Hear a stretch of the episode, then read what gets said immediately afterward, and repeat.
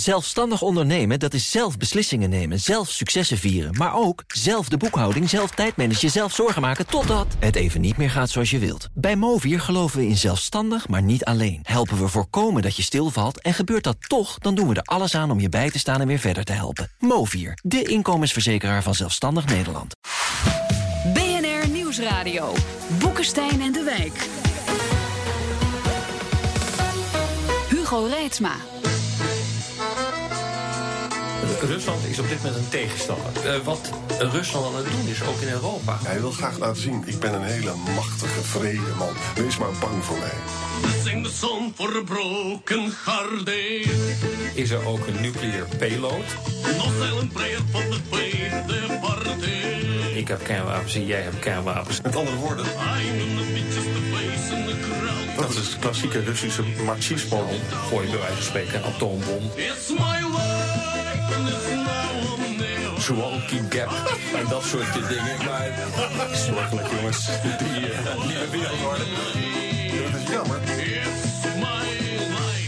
Rusland en zijn kernwapens. Vorige week. Rusland als tegenstander en als gevaar bespraken we vaker bij Boekenstein en de Wijk. Zeg maar Rusland als Poetin. Vandaag praten we over de andere Russen en een andere kant van het land. Op zoek naar de nieuwe wereldorde. Welkom bij Boekenstein en de Wijk. Met in de studio. Groot verzamelaar van Russische vriendschapsspeltjes, maar tot onze teleurstelling nog steeds geen Poetin-versteer. Rob de Wijk. en bij I Just Wanna Live When I'm Alive dacht hij natuurlijk ook meteen al aan Arend Jan Boekenstein. en te gast, Rusland begrijpen vergt soms literaire kwaliteit. En Dostoevsky konden we niet krijgen, dus doen we het maar met Pieter Waterdrinker. Welkom, uh, over uit Rusland, leuk dat je er bent. Met je laatste boek, Tchaikovsky Straat 40, in handen van Arend Jan. Ja, het is een prachtig boek en ik ga het begin daarvan voorlezen. Op een late oktoberochtend in het jaar 1988 vroeg een heerschap uit Leiden mij of ik in staat was een kleine 7000 Bijbels af te leveren in de Sovjet-Unie. Hoe hij mij gevonden heeft, weet ik nog steeds niet. In die tijd waren er maar weinigen in Nederland die Russisch spraken, die ooit de USSR hadden bezocht. Ik was er slechts één keer geweest, ruim zeven jaar ervoor. Misschien berust alles ook wel op zuiver toeval. Want dat is wat het leven mij heeft geleerd. De wereld wordt geregeerd door willekeur. En zo kwam jij, Pieter, in Rusland terecht in het begin van, eh, van Tchaikovsky-straat. Maar je zit er nog steeds? Ja, ik zit er al bijna een kwart eeuw. Ja. ja. Dat moet dan bevallen. Ja, nee, ja, het is ook een beetje. Was hij geliefd, dat is nexisch. En uh, het is een soort besmetting waar je eigenlijk niet van afkomt. Rusland is een andere wereld. Hoe het, hoe het went of keert. Ik ben trouwens een zeer trouw luisteraar van jullie programma. Tegenwoordig door de wonderen van techniek kan dat. Dan lig ik daar als een Oblomov op de bank in Moskou of in Petersburg. En dan uh, schakel ik jullie in. En ik luister altijd vol bewondering We voor de analyse. gecensureerd in uh, Moskou. Eigenlijk. is dat nou positief of is dat nou negatief? Nee, nog niet. Maar ja, kijk, die, al, die, al die waanbeelden, denkbeelden over Rusland... die behoeften natuurlijk enige nuance. Maar ik luister altijd trouw. En wat hier gezegd wordt is altijd zeer goed. En de analyse is fantastisch. Maar? Alleen... ja, daar komt hij hoor. Kijk, um, uh, Rusland, he, uh, Nederland, Rusland heeft in Nederland niet zo, heeft een perceptieprobleem. En de, de, het perceptieprobleem hmm. komt omdat er natuurlijk altijd terecht in de nieuwsstroom enzovoort de nadruk wordt gelegd op de aspecten die daar niet deugen. Hmm. Het nadeel daarvan is misschien ook wel een godspen. Ik, ik, ik spel dat ook mezelf op de buik hoor, dat ik daar in tekort schiet naar al die boeken en stukken. Is dat du moment dat iemand voor het eerst in Moskou landt of in Sint-Petersburg uh, is of waar dan ook, denk van Jezus, ik ben al die jaren besodemieterd. Ik had een totaal ander beeld over dit land. Niet alleen hoe het eruit ziet, dat Moskou op dit moment een soort Manhattan van Europa is, dat Sint-Petersburg bloeit, maar ook uh, mentaal. Bijvoorbeeld in een aantal jaar geleden, 2014, hadden we een discussie over de homorechten. Het maken van homoseksuele propaganda in bijzijn van kinderen. Dat was verboden. Nou, hier alle columnisten gingen erop los. Terecht natuurlijk, het deugt niet. Maar Poetin had met de kerk het op een kluitje, ge, op, op een akkoordje gegooid. En gezegd, die wet neem aan. Maar hoe vaak heb jij nou in je leven homoseksuele propaganda gezien? Laat staan homoseksuele propaganda in mhm. bijzijn van kinderen. Het was gewoon een, een puur symbolisch iets. Maar de indruk die hier ontstond door die discussie over die wet die niet deugt, nogmaals, Ja. is dat iedereen die homo is en, en lesbiennes enzovoort, daar gebogen over straat gaat en angstig om door kettingen van Poetin het gevangen in te worden getrokken. Terwijl het homoleven, het is niet mijn stiel, maar ik ken zeer eerbiedwaardige hoofdredacteur van kranten die af en toe eh, eh, oostwaarts reizen omdat het leven daar vele malen interessanter is dan hier op dat gebied. Kortom, en, en zo zou je meerdere voorbeelden kunnen Ja, geven. ja, dat dus is Ja, nee, maar ik- kijk, is natuurlijk hetzelfde. Trump is niet de bevolking van Amerika. Hè, en eh, de discussie die wij hier ook aan tafel hebben gaat over Trump. Hij gaat over Poetin en het beleid dat die man voert. En bijvoorbeeld in 2014 de annexatie van de Krim, waarvan we wat vinden. Eh, eh, dus het zijn echt twee heel verschillende dingen. Want ik ben het volstrekt met je eens. Als je dus in, in Rusland komt. En jij komt daar ook vaak, hè? Nou al ja, langer? vaak is nou een beetje overdreven. Nou, maar ik ben er ook dit jaar een aantal Ja. malen eh, geweest. Eh, en bovendien beperkt dat zich tot de grote steden. Dus eh, dat valt nog wel mee hoor. Ik zou ongelooflijk graag eens een keer echt het platteland op willen gaan. Want dat lijkt me helemaal fantastisch om dat te doen. Maar het is er nooit van gekomen. Het gaat een keer gebeuren.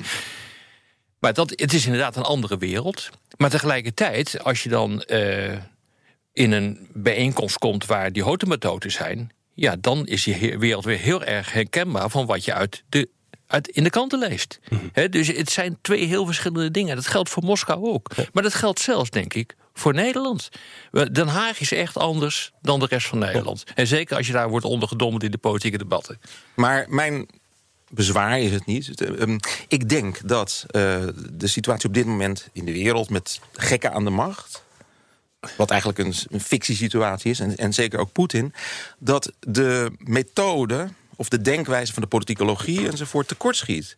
Dat in wezen Poetin, zowel Poetin als Trump en misschien. en dat dat in wezen literaire figuren zijn. Dat de benadering om niet om ze te rechtvaardigen, maar om te begrijpen, misschien een, een essayistische literaire benadering is. Ik geef één klein voorbeeld. Poetin, we weten wat hij gedaan heeft de afgelopen jaren. En uitbreiding van de NAVO, daar gaat hij tegenin. En hij heeft de Krim geannexeerd. Allemaal, nogmaals, eh, internationaal rechtelijk niet goed te praten. Maar waardoor is hij zo behept met dat machtsdenken en Oost en West? Hij komt uit Petersburg, toen Leningrad geheten. Hij is een nakomelingetje. Een van zijn broers is tijdens de blokkade in Leningrad gestorven. Ja. In die ene stad, 900 dagen omsingeld door de Duitsers. Eén zijn miljoen één doden. miljoen doden. 1 Ongelooflijk. miljoen. Moet je je voorstellen wat voor indruk dat heeft op de psyche van een mens. Nou kunnen we wel zeggen, ja jongens, wij wonen hier in het Westen... en na de Tweede Wereldoorlog hebben wij een vooruitgangsgeloof gehad. Alles wordt beter. En de geschiedenis, dat is... Dat één keer per jaar herdenken we de, eerste, de Tweede Wereldoorlog. Maar daar is de geschiedenis, overigens geldt dat ook voor het Midden-Oosten... nog altijd aanwezig. Absoluut. En daardoor moeten wij met die perceptie van hem... Ja, en ze hebben altijd geleid aan een omsingelingscomplex. Eigenlijk al vanaf het Tsaristische Rijk. Dus eh, je probeerde je veiligheid te vergroten door gebied te annexeren. Door, eh, en dat, dat is nog steeds aan, eh, aan de orde. En dat heeft gewoon te maken met het feit dat het een, een, een continentale macht is. En het is een empire, dus een, een, een staat dat zijn macht eh, probeert te vergroten door gebied erbij eh, te krijgen. Dat is van oudsher is dat al zo geweest. Nou, als je dat begrijpt, dan snap je ook waarom bijvoorbeeld een man als Poetin het soort machtspolitiek Ja. bedrijft. Nou heb die ik die wel net gezegd dat we het ook eens over die andere Russen gingen hebben. Ja. Misschien kan ik Arend Jan daarvoor gebruiken. Nou, wat, wat, weet je wat ik zelf zo interessant vind? Eh, Pieter schrijft ook een beetje eh, over de, de NAVO-uitbreiding. En Pieter zegt ook van... Ja, laten we nou eens redeneren vanuit Poetin zelf. Hè. Waarom hebben we dat nou zo snel allemaal gedaan? Toen moest ik opeens direct ook denken aan Bolkestein, weet je nog? Jaren geleden die problemen had met de uitbreiding naar Polen. Groot debat in de Tweede Kamer. Bolkestein werd voor gek verklaard. Maar er zat natuurlijk wel enige... eh, dat was een punt, hè? Waarom? Eigenlijk was een beetje beloofd tijdens de Duitse hereniging. We, we zullen ons inhouden. Je kan ook machtspolitiek altijd bufferstaten creëren. Kan best, hè? In, in het boek Het Diplomacy van Kissinger over de Vietnamoorlog... zegt hij zelf van... we hadden het zo niet moeten doen. We hadden eigenlijk Maleisië als een soort bufferstaat moeten hebben. Hebben we niet gedaan. En dat is dus op zichzelf genomen... heeft Poetin, die dus inderdaad zijn eh, broer verloren heeft... en die ook in die, die, hele, het hele verval van het Sovjetrijk heeft meegemaakt... en die enorme vernedering, hè? en zeker in een parallel met China ook... Hè? ja, die, die, heeft, die vond dat allemaal wel heel erg. Ja, je had ook nog een stukje eh, uit Ja. het boek trouwens ook nog iets verder terug in de Ja, geschiedenis. en hè? dat, en dat gaat dus. Het, het boek is een heel mooi boek en heeft steeds ook van die. Het is, een, het is een autobiografische vertelling, maar ook met heel veel Russische geschiedenis erin. Hè? Soms denk ik wel eens van je kan beter een historische roman lezen om het verleden te begrijpen dan dat je een geschiedenisboek leest. Dit gaat dus over be- het enorme toestand met Lenin. Hè, en ook toch dat er een kans was geweest dat eh, Rusland zich in een democratische ontwikkeling had eh, ontwikkeld. in plaats van dat vreselijke communistische regime. Hè. Prachtig geschreven, moet je horen. Door het oplichtende koper van bombardons en trompetten, rode vaandels en een erewacht van matrozen, opgetrommeld door de Bolsjewieken met een gevoel voor propaganda en spektakel, werd Lenin in de uitzinnige chaos naar buiten gedreven en door de menigte, wier hoofden al even vol dramatiek werden beschenen door zilveren zoeklichten, op de koepel van een panzerwagen gehezen, waar hij beloofde om aan de schaamteloze leugens van het roofkapitalisme voorgoed een einde te maken. Wat weinigen beseften en nog steeds niet beseffen, is dat op dat moment de Russische democratie nog een kans had. Tsaristisch Rusland had een democratisch Rusland kunnen worden met een grondwet, net als elders op het oude continent. Ik vind het alleen al mooi om jou eens een keer het woord roofkapitalisme zo te horen uitspreken. Maar eh, Pieter, is, is Ja. dat echt, eh, was het daar echt, eh, het had net zo goed anders kunnen lopen? Nou ja, ja ik heb een Lenin, Nabokov zei, Lenin is ingeblikt. Hè, eh, de revolutie is ingeblikt in Rusland gegaan. Vanuit een trein, vanuit eh, Zwitserland, door Duitsland destijds. Ja, dat is waar. Wat veel mensen vergeten. Eh, dat, ik woon in die Tchaikovsky-straat. En de huizen daar, zijn heel veel huizen vanuit het begin van de vorige eeuw. Begin hè, 1905, 1910. En eh, op dat moment was Rusland een van de meest groeiende landen ter wereld. Ja, hè. ja. Heel veel mensen hebben geïnvesteerd in Frankrijk bijvoorbeeld, maar ook in Nederland, in de bouw van de Trans-Siberische spoorlijn. Eh, er werden fabrieken, er waren, er was een enorme presentie in Petersburg. Niet alleen van de Nederlanders, die al sinds de 18e eeuw daar waren, ehm, maar ook van Engelsen bijvoorbeeld, die daar fabrieken hadden. En eh, ja, dat ging gepaard natuurlijk met het 19e eeuwse uitbuitingsverschijnsel enzovoort. Grote verschillen tussen arm en rijke verpaupering. Maar ehm, men is, het, kijk, de geschiedenis hangt af, dat is mijn heilige overtuiging altijd van één persoon. Hitler of enzovoort in Napoleon. En dat gold ook zo voor die Nicolaas eh, II. Als die een ander karakter had gehad, als hij wat toegevender was, wat, wat slimmer, zich niet door zijn vrouw, hè, die een halve hysterica was, zou je kunnen zeggen, eh, in de luren liet leggen met Rasputin enzovoort, dan had dat misschien heel anders gelopen. Als die Duma die in 1905 daar kwam, dat natuurlijk. Dat was eigenlijk een fake parlement, een nep parlement zou je kunnen zeggen, hè, eh, met Wilders tegenwoordig. Ehm, maar als dat een normale traditie had geweest, dan had het natuurlijk anders gelopen. Waarbij ik wel moet zeggen dat we ook, als we nu praten over Rusland, altijd moeten vergeten dat natuurlijk al die begrippen die we hebben van democratie enzovoort, natuurlijk voor de Russen anders liggen. Dat begon al in 1054 bij het schisma tussen de kerk Oost. Dus Oost je kan niet zeggen dat het een soort afgedwaald Europees land is. Dat, nee, het, zo, behoort- zo, zo lijkt je het nu kijk, een beetje te Het is schetsen. orthodox. Dat is echt een totaal andere cultuur. Andere geschiedenis, andere cultuur. Je noemde het schisma inderdaad, het Oost-West-Romeinse Rijk. Het echt volstrekt anders eh, qua, qua cultuur. De orthodoxie is totaal anders. Geen verlichting. De, de verlichting is daardoor voorbij gegaan. Dat is natuurlijk een groot punt. Kijk, Catharina de Grote die was keizerin en die was Duitse. En die was een groot bewonderaar van Voltaire. Ja. Zelfs zodanig dat toen hij stierf... dat de volledige eh, bibliotheek van Voltaire door haar gekocht is. Die zit nog steeds in de bibliotheek op de Nevsky Prospect. Ik heb dat gezien. Die prachtige zinsnede van... Si Dieu n'existe pas, il faudrait l'inventer. Als God niet bestaat, moet hij uitgevonden worden. Dat staat daar, dat kan je daar lezen in die bibliotheek. Eh, Maar wat, zegt, wat zegt dit nou over, over de Rus op zich? Wat, wat zijn dat volgens jou voor, voor mensen? Het zijn, kijk, eh, grosso modo zijn mensen, Russen natuurlijk niet anders dan wij. Maar het is natuurlijk wel zo dat ze door die historie heen, door de gruwelijke historie heen, eh, beseffen dat. Dat ze niet in een land leven zoals wij, waar de staat er is voor het individu. Nee, maar, maar ook door de orthodoxie waar we het net over hebben ja, maar de orthodoxie heeft voor heel veel mensen tegenwoordig. Kijk, eh, heeft dat. Dat heeft meer een symbolische betekenis. Eh, er wordt om gelachen, zoals Russen ook lachen om de macht. Dat moet je ook niet vergeten. In de Sovjet-tijd werd natuurlijk ook om de macht eh, gelachen. En Karel van het Reven schreef al in het geloof de geloof ik. Ja, niet, daar heerst communisme, maar, Maar, niemand toch, maar gelooft toch er hoe meer je in. het ook wendt of keert... dit deel van de wereld is wel degelijk eh, diep beïnvloed... door die westelijk-christelijke cultuur. En dat geldt natuurlijk ook voor Rusland. Ik bedoel, daar kun je je toch niet echt aan onttrekken. Wij zijn Ja. geworden zoals wij zijn... onder andere door dit soort culturele oorsprongen eh, van, de, van de landen waarin we leven. Ja, maar goed, wij hadden vroeger ook de door God over ons gestelde orde. Hè? En dat hebben wij dus eh, doorgeprikt. Maar de Russen kunnen zich daar nog mee vinden. Dat de orde, of die voor God- voor God vergeven is, weten ze niet. Maar in ieder geval dat er macht is die anders de is dan onze en nu democratische macht. aan Ja, dat wordt door heel veel hoofd. mensen goed gevonden. Omdat de, het beste altijd de vijand van het goede is. En het, het slechte, dat is in de jaren negentig gebeurd, die jaren. En dat is de troef van Poetin. Straks, wie denkt er op de wijk dat het WK voetbal gaat winnen? BNR Nieuwsradio. Boekenstein en de Wijk. Op zoek naar de nieuwe wereldorde. Dit is Boekenstein en de Wijk. En dat programma is natuurlijk niet zonder Arend-Jan Boekenstein en Rob de Wijk. En terwijl Rob nog even denkt over de WK-uitslag... gaan wij ondertussen door met onze gast Pieter Waterdrinker. Mijn naam is Hugo Reitsma. En Arend-Jan, jij zei, ik wil nog even verder op het punt waar we waren. Ja, weet je, Pieter, wat ik je wil vragen is dit. Hè? Ik heb een aantal Russische vrienden en dan praat je... Volgens mij is het gymnasium in Petersburg is gewoon nog beter dan bij ons. We hebben die, de meest fantastische pianisten komen uit Rusland. Het is ongelooflijk. De meest fantastische schrijvers. Het is een hoogstaande cultuur. Hè? Eigenlijk veel hoogstaander dan die van ons. Hoe is het nou toch mogelijk dat zulke intelligente mensen, zulke grote wetenschappers, zo'n puin op te van maken met elkaar in de politiek? Ja, dat is ook niet nieuws. Je zou kunnen zeggen dat de 19e eeuw en het huidige Rusland en dat van de Sovjet-Unie was. Is een, zonder césuur is dat een voortzetting. Als je de hele Russische klassieke literatuur leest over Tsjechov, die dan schrijft in Drie Zusters en zo, die zitten daar op het landgoed. De lijfeigenschap is net afgeschaft. En ja, ze weten eigenlijk niet wat ze moeten doen met de nieuwe tijd. En het grote probleem is natuurlijk dat er altijd een, een, een, een heersende macht is geweest. die eh, vaak op het, recht, op het Westen altijd gericht is geweest. Ze hebben een enorme bewondering. Dat geldt Maar ook nu voor. nog steeds volgens mij. Hoor. Het, ze hebben een enorme bewondering voor, voor het Westen. Een minderwaardigheidscomplex misschien. En ook. tegelijkertijd een superioriteitscomplex. Ja, ja, ja. Dat is heel merkwaardig. En tussen die twee dingen in, dat minderwaardigheidscomplex komt voort dat de huidige machthebbers in het Kremlin, die hebben allemaal ooit arm in Sovjetkeukentjes gezeten. Ja. En eh, nu hebben ze een, een land tot de beschikking zoals ja, in een feodale cultuur nooit bestaan heeft. Hè? Je zou kunnen zeggen dat, al die, dat Poetin heeft een trechter met geld, met de zijnen, en die kunnen doen naar believen wat ze willen.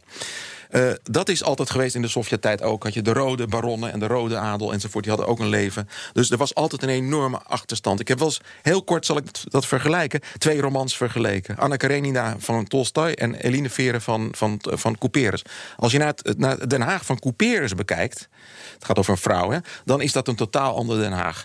Als je naar het, den, het, het Moskou of het Sint-Petersburg... van door Tolstoy in Anna Karenina beschreven bekijkt... dan zie je enorm veel overeenkomsten met, met het huidige. Toen was de hoofdstad Sint-Petersburg met het tsaar in het Winterpaleis en de adel eromheen. En men sprak Frans, hè, lingua franca, en Russisch alleen maar met het, met het lagere volk. Men leeft in een weelde met koks en privébedienden enzovoort. Nu is de hoofdstad Moskou. En Poetin zit weliswaar in het Kremlin, maar vaak in een van zijn paleizen. Vaak ook buiten Moskou. Daaromheen zit de nieuwe elite, de oligarchen. En die kindertjes die spreken vooral Engels. Want die worden al voorbereid Ja, ja. om naar het buitenland te gaan. Ze leven ook in een wereld met, met koetsen, met, met chauffeurs en Volstrekt van het normale volk afgesloten. En tegelijkertijd om die, ja, die fundamentele oneerlijkheid... om dat systeem in stand te houden... zeggen ze voor de televisie dat het Westen niet deugt. En ondertussen sturen ze natuurlijk al hun vrouwen, kinderen enzovoort... naar het Westen toe. Dus het is een is enorm nou- schizofreen ja, land. en- maar wat is er nou aan de hand? De eerste keer toen ik in Rusland, toen nog de Sovjet-Unie kwam, eh, dat was eind jaren 80. En eh, toen had je natuurlijk die hele discussie over die verschrikkelijke dreiging die eh, de Sovjet-Unie zou voor, eh, eh, vo- eh, vormen. Als je daar naartoe ging, dan dacht je: wat is dat hier een demende? Wat een puinhoop, dat is toch gewoon niet in staat om ook maar één stap over de grens eh, te zetten. Nou, dat bleek na het eind van de Koude Oorlog ook wel. Ik moet zeggen dat nu ik er weer kom, dat organisatievermogen van die Russen maar zeer beperkt is. Als je dus bijvoorbeeld kijkt, heb jij iets van Made in Russia in huis, behalve gas? Ik niet. ik maar bedoel, ze zijn niet eens in staat om een fatsoenlijke auto te bouwen. Met van, van, van die rare namen van Lada, Volga, Zil, Moskvich. En het, het, het, het werkt niet. En voor zover het werkt, zijn ze door westerse bedrijven eh, gebouwd. Ik merk iedere keer dat als ik eh, bij bijeenkomsten kom dat het slecht georganiseerd is. Uiteindelijk komt het wel goed, maar vraag niet eh, hoe, het, eh, hoe dat goed komt. Ik vind, wat, wat is dat toch? Omdat Russen een totaal andere benadering hebben van het bestaan op zich. Dat hier in Nederland, dan kom je aan en we gaan over je pensioen nadenken enzovoort. Russen zijn Italianen. Het zijn mensen die de dag plukken. En die dus ook niet denken aan, aan gevolgen enzovoort. Eh, over investeringen gesproken, je hebt gelijk. Ik heb ook rijke Russen gesproken die zeggen van... Ja, je kan nu in de landbouw heel erg veel geld verdienen. Waarom doe je dat niet? Zegt hij, ja, als ik daar een miljoen investeer... kan ik binnen een jaar 2 miljoen verdienen. Maar als ik niks doe, of ik investeer het in een fonds... heb ik 5 miljoen. Dus dan kan ik beter dat doen. Hè? En daar moet ik mij de kanttekening plaatsen. Door de huidige constellatie met de boycott is het zo dat ehm, na de gas- en olie-export was eerst de wapenexport en toen pas de agricultuur. Nu staat de graanexport met name op de tweede plaats. Ja. Eh, onderwijl door die boycott wordt er aan de lokale productie van middelen gewerkt. Je ziet het. Je ziet ook, met name bij de jongere generatie, dat ze zeggen: ja, jongens, überhaupt die machthebbers, ze doen maar. Ik begin een klein cafeetje, een kleine start-up. Dus er is dat soort reali- realiteit is er ook. Er wordt weinig de nadruk op gelegd, helaas. Arjan, ik zie dat jij nog een stukje wil voordragen. Ja, het gaat weer gebeuren, het gaat weer gebeuren. Zoals de Petersburgse aristocratie in 1917 ademloos op het blauwe plus had zitten luisteren... naar de bas van Shaljapin in het Mariinsky Theater... de opera Boris Godunov. Terwijl even verderop het Winterpaleis werd ingenomen... het ongedierte uit de goten kroop en zich opmaakte voor de eindstrijd. En net als toen werden bij het verlaten van de schone tempels... als de roes van de kunst werd verruild voor de roes van het gewone leven... lippen in walging opengetrokken, hoofden afgewend... en binnensmonds verwensingen geuit vanuit naar het vulgus dat hen op straat passeerde. Een vreemde zaak intussen, het menselijk bestaan. Zo oder zo is das Leben, zo oder zo is das gut. Zo wie das Meer is das Leben, eeuwige Ebbe und Vloed. En zo zijn we van, van de Russische revolutie ineens in het moderne Europa eh, beland, Pieter. Ja, in het boek eh, heb ik, ik heb veel romans geschreven... waarbij ik mijn ervaringen van een kwart eeuw daarin gestrooid heb. Maar ik dacht eens, ik ga eens een boek schrijven... om te zeggen van hoe het allemaal zo gekomen is, weet je wel. 25 jaar van mijn bestaan. Ja. Het eenvallen van de Sovjet-Unie. Dat voor mij een soort Weimar-republiek was. Dat kan je wel Ja. beamen. Ehm, en het, en het postcommunistische Rusland, dat ik vanaf ja, de dag dat Poetin van Yeltsin de macht kreeg. Ik bedoel, ik stond in de supermarkt, het was koud buiten, het sneeuwde. Ik kan me dat nog helemaal herinneren. Ehm, dat staat op een netvlies. En wat ik altijd zo aardig vind in eh, literatuur, bijvoorbeeld bij Pastolsky, die herinneringen enzovoort, dacht ik van ja. Als je dat leest, dan denk je, hoe, hoe weten die mensen dat allemaal? Het lijkt wel of ze overal bij waren geweest. Maar het blijkt te kunnen. Als je er maar naartoe gaat. Dat geldt ook voor mijn vorige roman Poubel. Dat speelt zich in Oekraïne in de oorlog af. Ja. Ik ben daar naartoe gegaan vanaf het begin van de Maidan-opstand... tot de annexatie van de Krim, tot in de oorlog in de Donbass. Als je er naartoe gaat, ben je getuige van deze tijd. En dat kan je met eh, journalistieke middelen opschrijven. En dat heeft zijn rechtvaardiging. Maar voor mij is het, schiet dat tekort om ja, een poging te doen... om in ieder geval iets van het raadsel te begrijpen, zou ik maar zeggen. Maar ja, die Mulis had toch gelijk dat hij zei... het beste is het raadsel te vergroten. En dat geldt voor Rusland natuurlijk ook. Ehm, het is een fantastisch land, het is een fascinerend land. En het punt is, is dat wij nog altijd denken dat het ver weg ligt. Nou, je weet, het is twee, drie uur en je bent in Moskou. Ja. Ja. En het gaat het lot van ons bepalen. Zeker door de geopolitieke ehm, redistributie die nu op dit moment plaatsvindt. Amerika is, is nu eigenlijk ook weg. Dat, dat hebben we achter ons gelaten. Dat, dat, die, ze hebben ons bevrijd. Maar de Russen hebben ook miljoenen, le- tientallen miljoenen levenschoppers om, om, om, Ja. om Berlijn te bevrijden. Maar, Maar je trekt ook een soort maar- parallel tussen, even op, tussen eh, de, de, de decadentie van de, de aristocratie in het uh, Tsarenrijk en de positie van Europa nu als eh, rijk. En eh, ik zie je nu bedenkelijk kijken. Nee, nee, nee, nee, helemaal niet waar. Ik denk echt, kijk, dit- dit- ik zeg ergens de geschiedenis herhaalt zich niet, maar de geschiedenis rijmt, zal Ja. ik maar zeggen. Ja. En ehm, die grote verschillen tussen arm en rijk en de hefs en de hefsnots. Ik zie dat omdat ik een kwart eeuw niet meer hier in Nederland leef, zie ik grote verschillen hier in, in Nederland en Europa worden. En eh, als, je, als je dat een beetje groter bekijkt, intercontinentaal, dus niet bi- binnen Europa, maar bijvoorbeeld met Afrika enzovoort, zou je kunnen zeggen dat wat daar ooit in Rusland is gebeurd in 1917, als we niet uitkijken, dat, dat, dat, hè, dat, dat er een, een cataclysme opnieuw kan gebeuren. En de voortekenen zijn daar, en die tsaren en die elite waren blind. De vraag is of wij blind zijn, nee, maar toch stoppen we ons kop in het zand. Ja. Tja. Nee, Piet, ik wil nog iets vragen. Van wat ik heel... Je hebt eigenlijk een soort eh, eh, literaire methode gevonden om ook de geschiedenis te beschrijven. Ik zag toevallig een commentaar van eh, Maarten het Hart op jouw werk. Het was echt weer typisch van een gereformeerde sierpruim. Hij vond dus, het waren allemaal sterke verhalen. Ja. Terwijl eigenlijk is het, als je dat boek goed leest... Kijk, als je inderdaad bij de Oekraïne aanwezig bent als dat gebeurt... dan ben je als het ware gebombardeerd dan larger than life... zeggen de Britten altijd zo mooi. Hè? Ja. Jij was er gewoon bij en je kan het van binnenuit kan je het beschrijven. En er gebeuren ook... Het is ook een aaneenschakeling van absurdistische... Ja, maar ik trap, op, eh, ik trap altijd op de rem. Als niet Maarten Tart, ik heb het gezien. Ik zeg altijd, na het uiteenvallen van de Sovjet-Unie... is nog het kapitalisme, nog het communisme aan de macht. Maar het surrealisme, de gekte.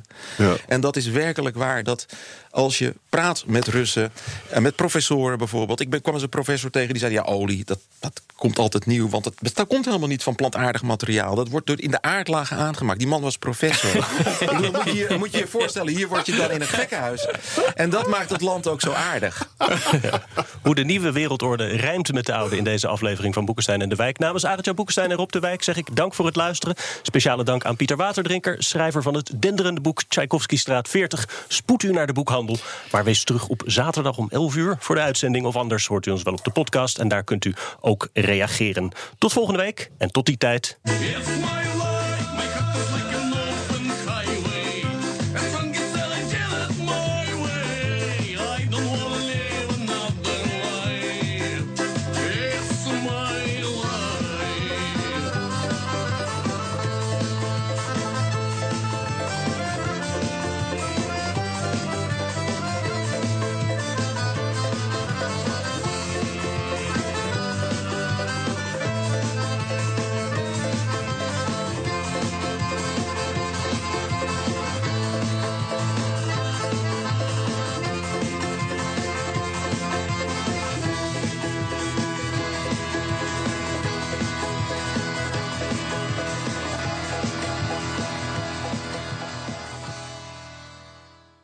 Zelfstandig ondernemen, dat is zelf beslissingen nemen, zelf successen vieren... maar ook zelf de boekhouding, zelf tijdmanagen, zelf zorgen maken... totdat het even niet meer gaat zoals je wilt. Bij Movier geloven we in zelfstandig, maar niet alleen. Helpen we voorkomen dat je stilvalt en gebeurt dat toch... dan doen we er alles aan om je bij te staan en weer verder te helpen. Movier, de inkomensverzekeraar van Zelfstandig Nederland.